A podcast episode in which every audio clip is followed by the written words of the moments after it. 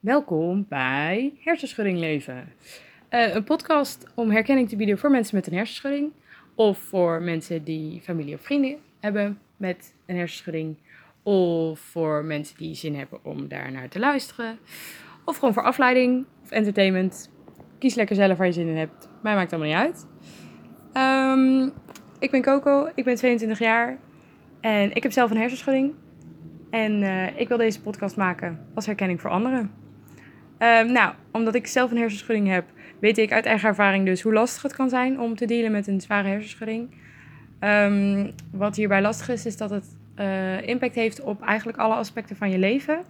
En dat er verder heel veel onwetendheid over is. Uh, dus daarin, je mist eigenlijk een bepaald soort begeleiding. En ja, eigenlijk je hele leven verandert.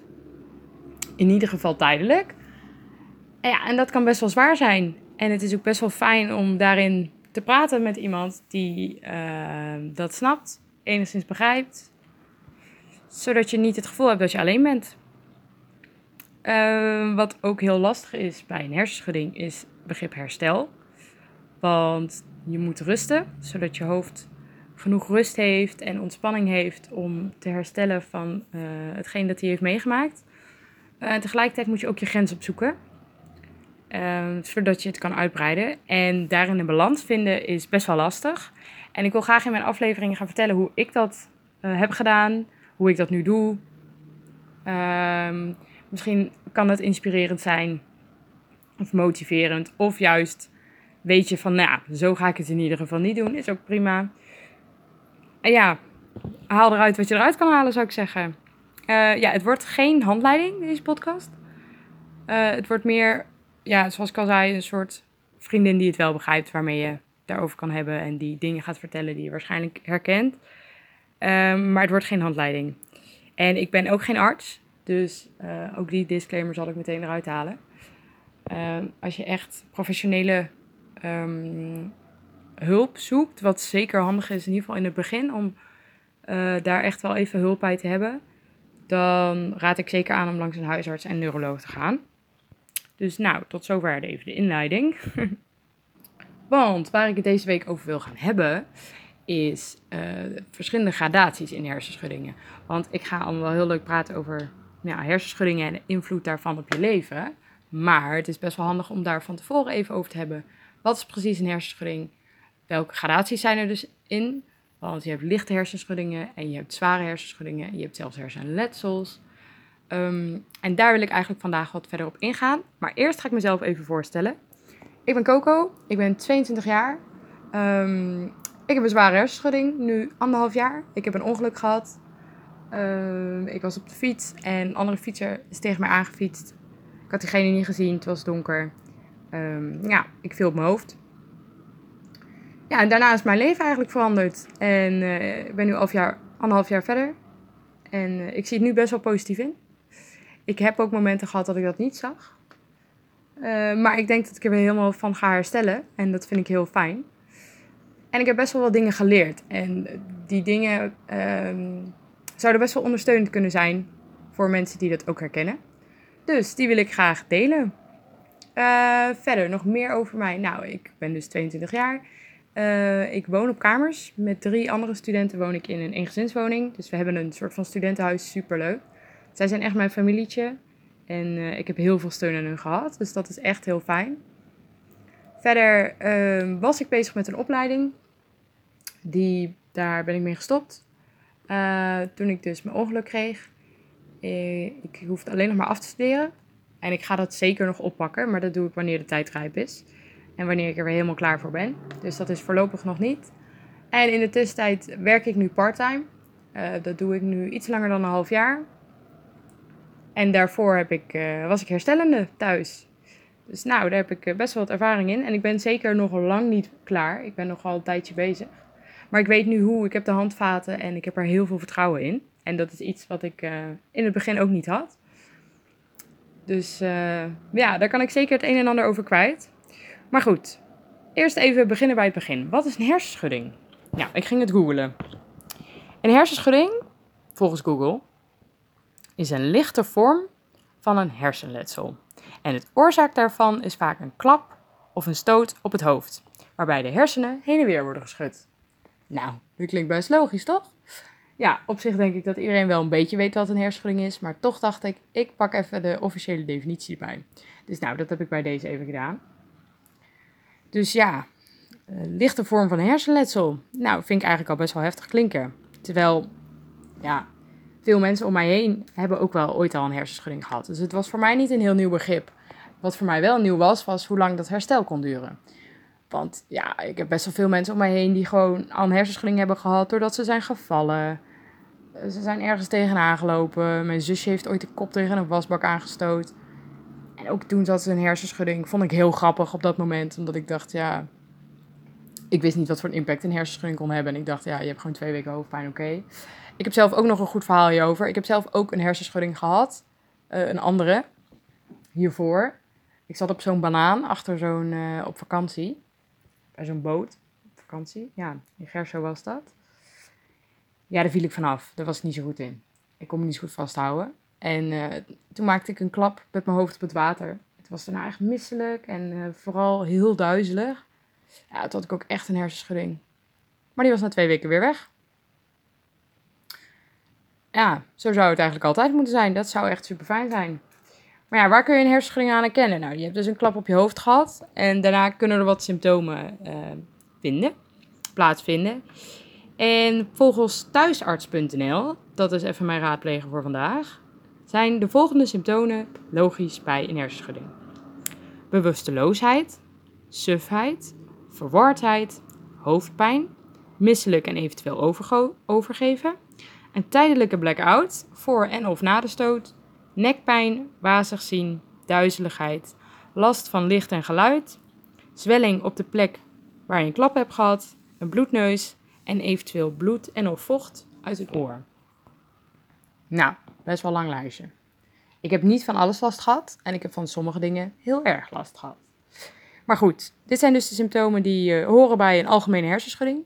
Dus nou, hartstikke fijn. Um, er staat op thuisarts best wel het een en ander over hersenschuddingen. Dat is best wel een fijne raadgever. Zeker um, om gewoon wat algemene informatie te hebben. Um, maar er staat weinig uitleg over de verschillende gradaties die er dus zijn in hersenschuddingen. Want daar wil ik het vandaag dus wat meer over hebben. Want je hebt lichte hersenschudding, maar je hebt ook zwaardere hersenschuddingen. En je hebt ook hersenletsels. Nou, zeker op die laatste twee wil ik het uh, wat meer op ingaan. Want een lichte hersenschudding, dat betekent dat je dus last hebt van die, een van die symptomen die ik net opnoemde. En dat houdt dan een week, twee weken, misschien drie weken of een maandje aan. En daarna gaat dat wel weer weg. Uh, je voelt dat zelf heel goed aan. Uh, in het begin is het slim om even wat minder te doen met beeldschermen, telefoon, misschien iets minder muziek, geluid. Maar dat gaat vanzelf wel weer weg. En je voelt dat ook zelf. Op de momenten dat je minder hoofdpijn gaat krijgen, kan je eigenlijk al vrijwel snel dingen weer oppakken. Uh, dus dat is heel gerustgevend, want dat is gewoon echt fijn. Maar het kan ook wat heftiger zijn.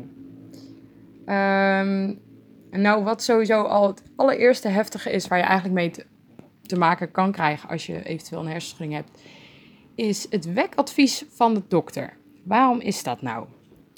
Nou, op het moment dat jij een klap op je hoofd krijgt, uh, kunnen er microbloedingen ontstaan. En microbloedingen verbreken onderlinge verbindingen in je hoofd, waardoor hersencellen kunnen afsterven. En op het moment dat die afsterven, krijg jij een zwelling in je hoofd. En of bloed in je hersenen. Dat is niet de bedoeling, dat is niet goed. Uh, dat gebeurt allemaal langzaam. Dat gebeurt niet meteen als jij bent gevallen of als jij een klap hebt gehad. Dat duurt allemaal wat langer.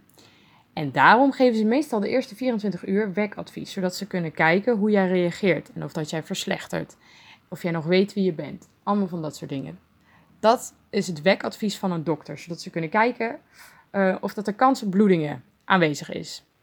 Maar, goede nieuws, hapje, minder goede nieuws. Op het moment dat jij geen wekadvies krijgt, betekent niet dat het goed is. Ik heb geen wekadvies gehad. Um, had ik ook niet nodig. Want bij mij zat, was er geen zwelling. Um, maar ik, had wel ik heb wel een zware hersenschudding. Dus wel of niet een wekadvies zegt niks over hoe zwaar het is. Het zegt alleen uit veiligheid dat ze willen weten dat het niet erger gaat worden. Eh, dus daarom kan er eventueel een werkadvies zijn. Maar dus, die microbloedingen waar ik het net over had. Op het moment dat die er zijn, kan het dus dat hersencellen afsterven. Op het moment dat er dingen echt afsterven en echt kapot zijn, heb je een hersenletsel. En gebeurt dat na je geboorte, dan heeft dit een naam. Dan heet dit een NAH, niet aangeboren hersenaandoening. Dus een aandoening aan je hoofd, een hersenletsel, met dingen die echt kapot zijn.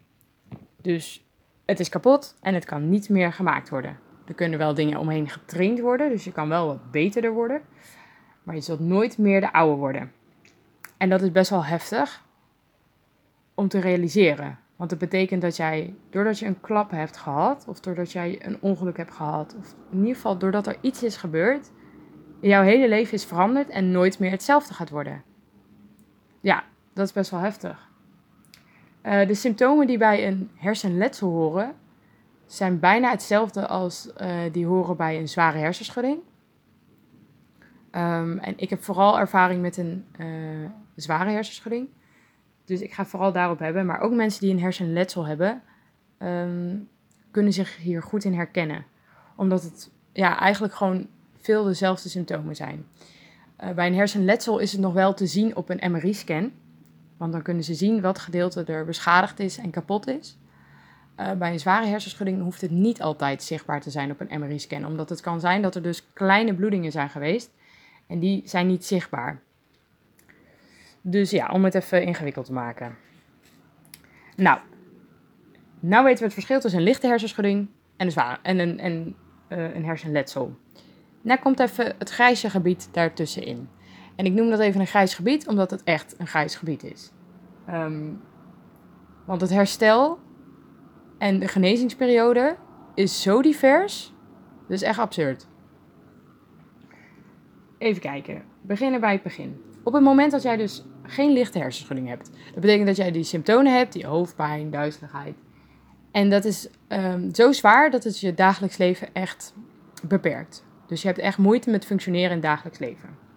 Nou, op het moment dat dit langer duurt dan drie maanden, spreken de artsen en neurologen sneller over een postcommercieel syndroom. Nou is het niet dat je als je na drie maanden nog steeds heel erg hoofdpijn hebt, je automatisch een postcommercieel syndroom hebt. Maar um, er wordt wel na een tijdje van gesproken. Als een hersenschudding langer duurt dan drie maanden, heet het al gauw zo. Um, er staat bij dat volgens sommige definities spreek je van een postcommercieel syndroom als er sprake is van één van de, of van drie van de volgende symptomen of meer. En die symptomen moeten dan zo heftig zijn dat het je uh, functioneren in het dagelijks leven beperkt. Nou, nu gaan we het hebben over de symptomen.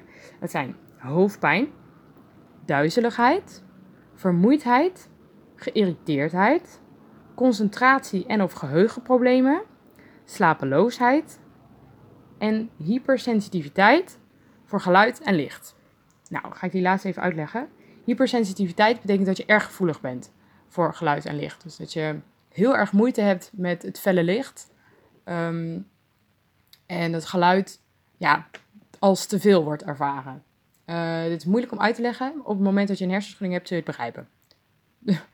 ja, dat is niet de beste uitleg, maar dat is wel hoe het is. Op het moment dat je echt moeite hebt met, met het kijken in het felle licht, uh, wat mensen ook wel eens herkennen als ze een kater hebben trouwens, die kunnen daar ook moeite mee hebben. En ook als je heel erg overprikkeld bent. Nou wil ik het over overprikkeling nog terugkomen, want dat is een van de belangrijke dingen hier met een hersenschudding. Maar dat zijn momenten waarin je dat een beetje kan herkennen. Daarin kun je het een beetje vergelijken.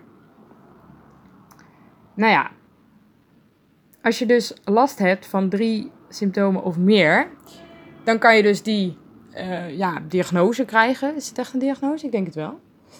Um, ik heb die gekregen van een neuroloog. Uh, dus het is niet dat je die zelf kunt opleggen. Wat wel fijn is, is op het moment dat je vermoedt dat het wat erger is, dat een hersenschudding wat zwaarder is dan je verwacht, uh, dan zou je wel dit begrip kunnen googlen en kunnen kijken, herken ik wat um, symptomen en um, wat is hiervoor het hersteladvies? Want het gaat natuurlijk om dat jij gewoon herstelt en daar heb je niet per se een diagnose voor nodig. Um, dat dacht ik in het begin wel, omdat ik niet zo goed wist wat er allemaal bij mij aan de hand was.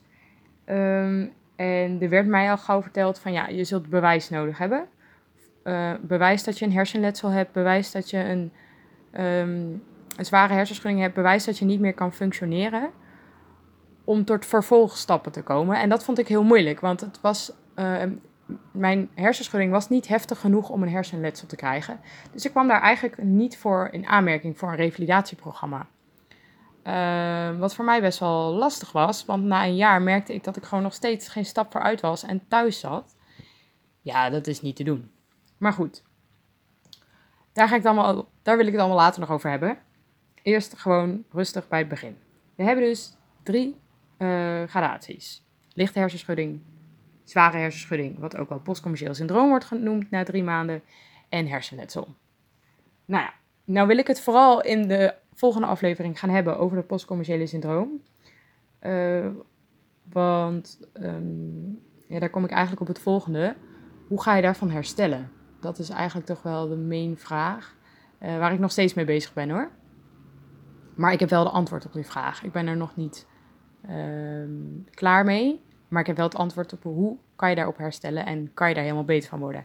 Ja, van een zware hersenschudding kan je helemaal beter worden. Dat is heel fijn. Het kan wel heel lang duren. Maar we beginnen bij het begin. Wat voor een advies heb je nou op het moment dat je een hersenschudding hebt? Nou, we gaan weer even terug naar thuisarts.nl, waar ik daar straks ook over had. Echt top site, wel heel algemeen. Um, dus als je een hersenschudding hebt, is het niet de fijnste site. Maar over het algemeen, goede site, echt credits. Oké, advies. Er staat bij via thuisarts.nl dat je uh, moet, rustig aan moet doen, zodat je hoofd het herstel kan bieden. Je hoeft niet op bed te gaan liggen, dus je kan wel uh, wat activiteiten doen.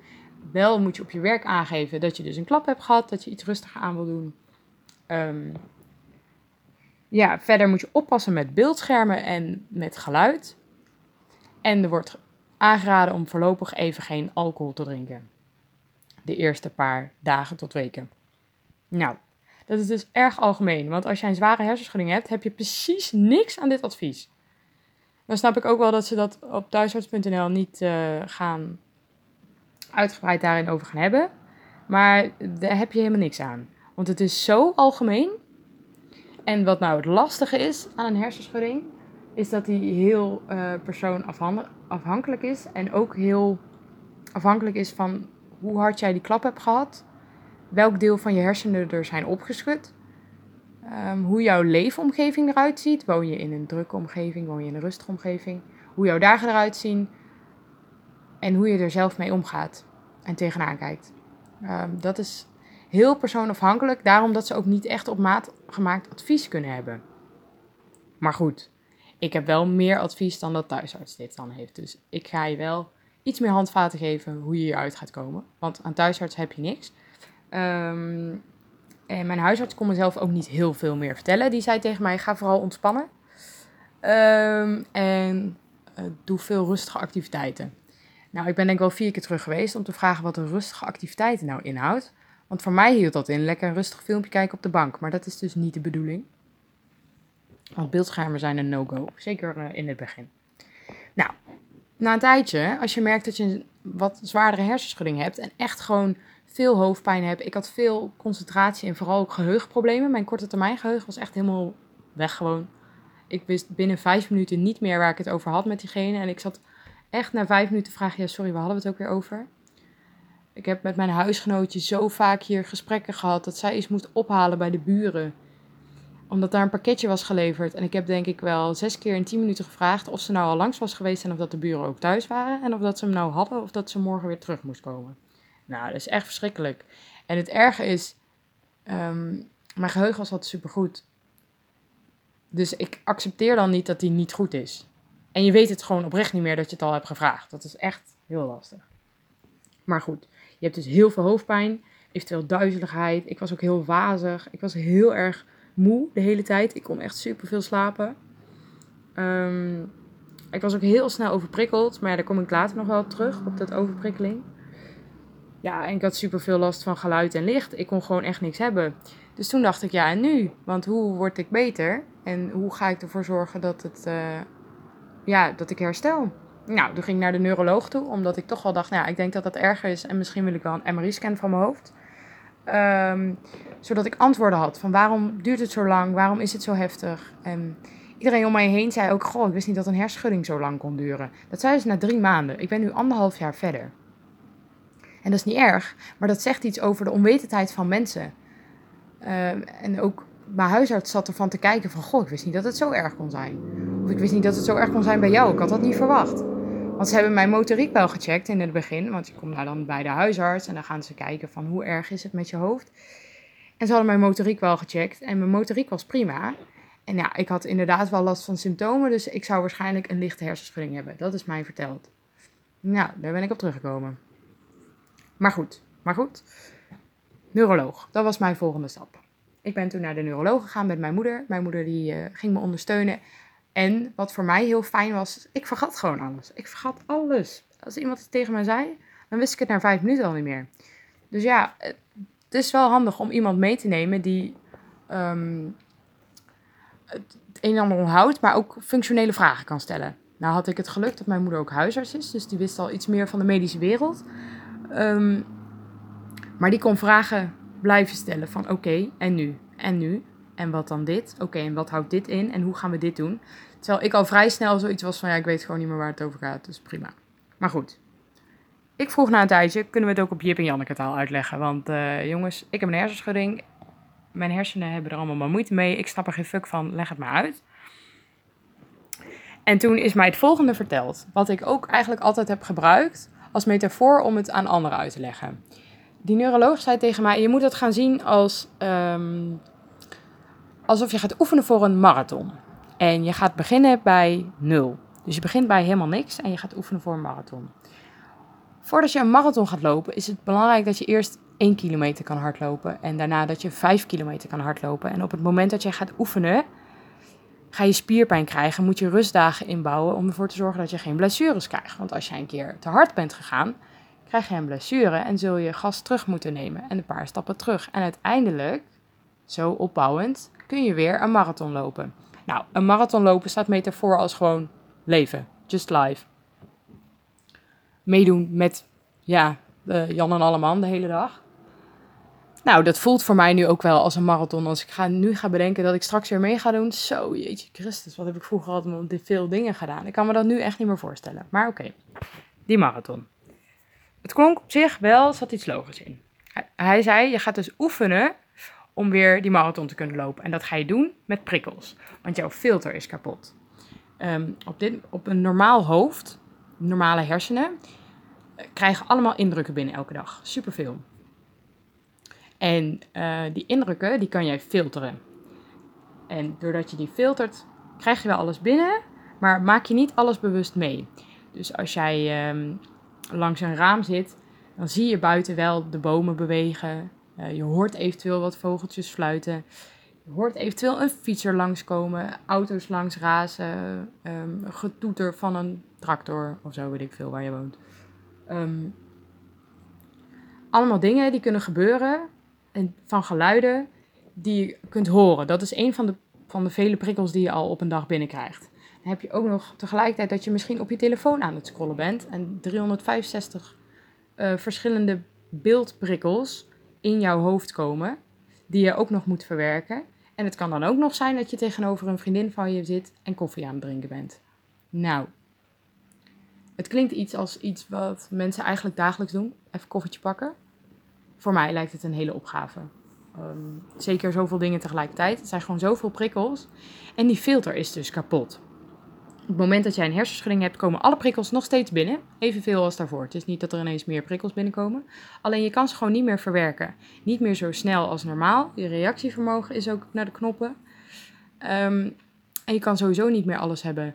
Jouw emmertjes van overprikkeling zijn zo snel vol dat je gewoon niet meer kan hebben. En dat houdt in dat je rustig moet doen. Um, geen beeldschermen moet doen, want dat zijn echt heel veel prikkels met geluid moet dimmen. Want hoe harder het geluid, hoe heftiger de prikkels zijn en hoe meer moeite je hoofd heeft met het verwerken van de prikkel.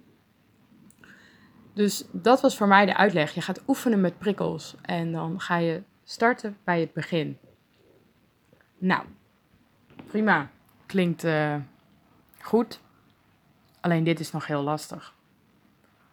Want ja, en dan? Wat zijn weinig prikkels? Dat vond ik heel moeilijk. Ik had daar graag een, uh, iets van een, al was het maar een een of andere handleiding in geweest met uh, dit is zoveel prikkels en dit is zoveel prikkels. Ik heb zo vaak met mijn moeder erover gehad van mam, misschien heb jij hier meer inzicht um, en kennis van dan ik. Maar wat zijn een bepaalde hoeveelheid prikkels? Want ik snap wel, beeldscherm is misschien 100 prikkels.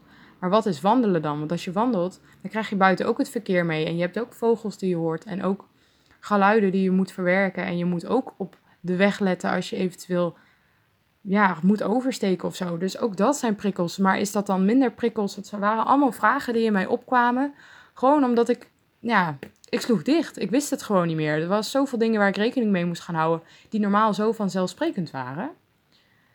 Even naar beneden lopen om iets uit de koelkast te pakken, was voor mij het meest zelfsprekende van wat er was. Ik heb honger, ik loop naar de koelkast en uh, ik kijk wat er is. Weet je hoeveel prikkels dat zijn? Er zijn er niet zoveel als tv kijken. Wees gerust. Maar jouw hoofd moet nadenken over iedere trede die hij van de trap zet. Dus daarvoor heb je ook evenwicht nodig. Dus hij moet echt denken en hij moet ook evenwicht bewaren. Je moet je eventueel ook nog vasthouden. Dan krijg je een prikkel binnen van hoe de leuning voelt.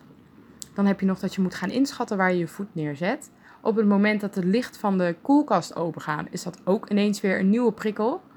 En dan moet je nog gaan kiezen welke de, ja, wat je gaat eten dat is echt al heel veel prikkels. Echt mensen met een hersenschudding kunnen dat al super lastig vinden. Dingen die zo vanzelfsprekend waren, worden zo moeilijk. Dus ja, dat was voor mij best wel een schok. Want alles was ineens anders en ik snapte het niet meer. En er waren zoveel dingen waar ik ineens rekening moest gaan houden en moest gaan mee leren omgaan in het begin. Want ja, weet je, je moet toch herstellen, maar je moet beginnen bij nul. Maar wat is nul dan? En ben je niet al elke dag al te ver? Moet je daar niet al minder van doen? Dat is echt het beginproces. En uh, dat zijn echt vragen die zeker in het begin heel veel lastig, uh, heel veel voor gaan komen. En daar wil ik het eigenlijk in mijn volgende aflevering al over gaan hebben. Mijn volgende aflevering wil ik gaan over overprikkeling zelf. Um, omdat het denk ik al een van de belangrijkste uh, dingen is om wat kennis van te hebben. Van wat is precies overprikkeling? Hoe werkt dat? wat zijn prikkels die binnenkomen? Um, wat zijn de beste dingen die je in het begin gewoon even kan vermijden? Dus niet zozeer de prikkels, maar wat zijn gewoon echt bepaalde situaties die je even moet vermijden? En wat zijn juist situaties die je kunt opzoeken um, en die helpen om die overprikkeling ook weer tot rust te laten komen? Want dat vond ik moeilijk. Um, ik was best wel gewend om een heel druk leven te hebben. En nu was het ineens van, ja oké, je bent overprikkeld, maar ga dan maar ontspannen. Maar wat is ontspannen dan? Dat was ook weer iets waar ik duizenden vragen bij had ontspannen is dat dan een muziekje luisteren of juist weer geen muziek, want dat geluid is weer te veel en zoveel vragen. Maar dat zijn heel veel vragen waar ik nu wel een antwoord op weet. Dus waar ik jou in kan gaan helpen. En dat is super fijn. Dus tot zover eigenlijk even de eerste aflevering over wat is nou een hersenschudding. En ja, wat zijn eigenlijk de eerste stappen die je erin kan maken. Dus uh, ja, naar de huisarts gaan is vooral wel eigenlijk een noodzaak. Uh, kijken op thuisarts.nl wat zij eventueel voor algemene kennis je kunnen bieden. Um, en eventueel naar een neuroloog als je echt denkt dat het wat erger is. Uh, sowieso is het handig om zeker in de beginfase professionele hulp erbij te hebben, zodat die je echt kunnen begeleiden. En ja, wie weet is het wel echt heftige shit wat er met je aan de hand is. En dat is echt um, belangrijk dat er dan professionele kijk op is. Um, en niet alleen mensen die van je omgeving, want die kennen daar gewoon te weinig van af. En bijvoorbeeld een neuroloog, ja, die weet wetenschappelijke dingen over hersenen, ja, dan, dan zit je eigenlijk toch gewoon al een stuk beter op je plek. Die kan je ook veel meer op maat gemaakt advies geven. Die kan je aangeven wanneer je een MRI-scan zou moeten doen. Um, ja, dat is, ja, dat is gewoon echt mijn tip. Ga naar een neuroloog. Gewoon nu, meteen. Ook als je geen hoofdpijn hebt, meteen. Nee, niet meteen. Maar in ieder geval, dat is echt wel belangrijk om in ieder geval die professionele hulp in het begin echt op te zoeken. Uh, zij kunnen je ook beter helpen met hoe nou verder? Want uh, ze zullen misschien niet heel per se gericht advies hebben, maar ze zullen wel um, enige richtlijnen hebben waar jij je houvast aan kan hebben. En houvast is zo fijn. Goed, oké. Hier wil ik het eigenlijk even de eerste aflevering bij laten. Um, ja, oefen met prikkels. Dat is eigenlijk uh, mijn advies voor uh, aflevering 1. En hoe we dat gaan doen, daar komen we in andere afleveringen op terug. Nou wil ik wel uh, iedere podcastaflevering eigenlijk nog even afsluiten met een doel.